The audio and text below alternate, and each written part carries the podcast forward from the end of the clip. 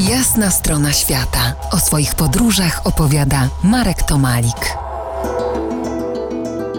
Moim gościem dziś Tomasz Jakubiec, tomanek, organizator i uczestnik wypraw kajakowych, także tej, na którą czekaliście aż 19 lat, wyprawy do Wielkiego Kanionu Colorado.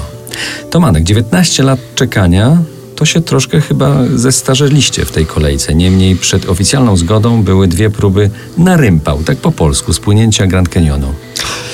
Racja, jak mówiąc, trzech razy sztuka. Pierwsza próba była e, robiona w roku 80 przez członków wyprawy Cano Andes, druga w 94 między innymi przeze mnie i moich kolegów. Przy tych dwóch przedsięwzięciach nie mieliśmy pozwolenia, które jest wymagane. Nie zdecydowaliśmy się płynąć głównego kanionu, e, tego wielkiego kanionu, bo nas ostrzegano i e, mówiono, słuchajcie, nie popłyńcie, widzimy, że, że chcecie, nie róbcie tego, jak popłyniecie, zabierzemy wam sprzęt kajaki, zapłacicie karę. Odpuściliśmy, zapisaliśmy się w roku 94 do kolejki, czekaliśmy faktycznie 19 lat, w roku 2013 większość z tych, którzy w 94 próbowało, znalazło się nad Colorado i zobaczyło to niesamowite, niepowtarzalne, unikalne w skali świata miejsce, nie tylko z góry, ale również od środka. Przepłynęliśmy każdy kilometr 450 e, kilometrów biegnących przez tą największą, spektakularną dziurę w, w ziemi. Mogliśmy to dotknąć zobaczyć. No właśnie, 19 lat i wyczekany własny spływ, ale to też mnóstwo warunków, obostrzeń, ale płyniecie.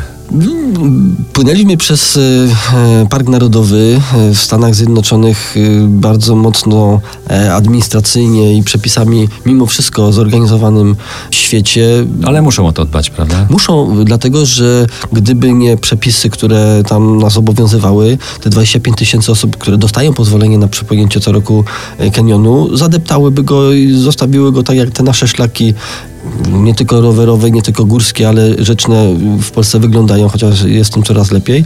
Tam my wjeżdżając do, do musieliśmy zabrać ze sobą wszystko, co wieźliśmy. Nie mogliśmy zostawić żadnego papierka, wszystkie śmieci musieliśmy brać ze sobą.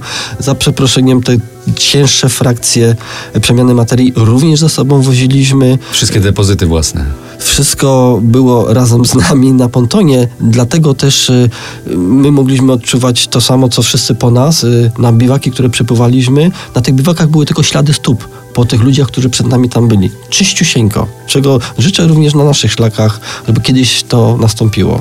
No dobrze, a powiedz tak od, już od, od serca, jak prezentuje się Grand Canyon z pozycji kajaka? Zapiera dech? To są chwile mistyczne?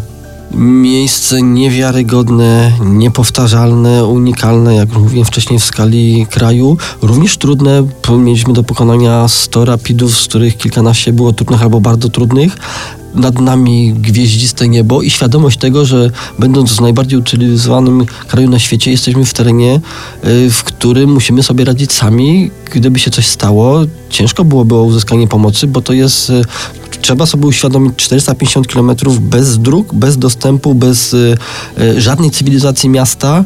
Pokonywaliśmy taki odcinek jak z Polski, Boże, jak z Krakowa do Bydgoszczy, w zasadzie bez cywilizacji.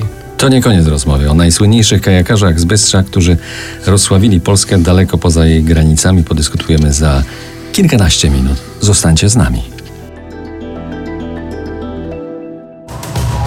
To jest jasna strona świata w RMS Classic.